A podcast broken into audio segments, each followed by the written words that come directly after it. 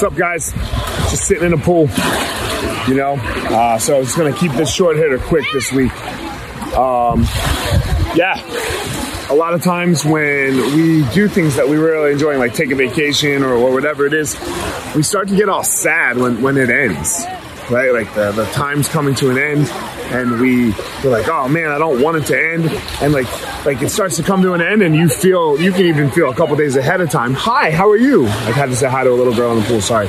You can even feel it coming a couple days ahead of time, the sadness that can take over us. Uh, yeah, I, and I used to feel like that too. I, I, can totally relate. Like when I would come here, like I would almost start to get sad with like five days, four days left on my trip because all because my trip was coming was going to end soon. And now I've learned how to just enjoy my time, just to be present in the moments and really enjoy my time while I'm here. And I don't feel that sadness at all anymore. And that just took some effort of learning how to be happy in every moment of my life, you know? Whether it be here on Maui, whether it be home, whether it be uh, on a trip, a fight trip, or, excuse me, where, wherever it is. So um, that's it, guys. I'm gonna keep it short because I look like a fucking idiot videotaping myself in a pool. And uh, but that's it.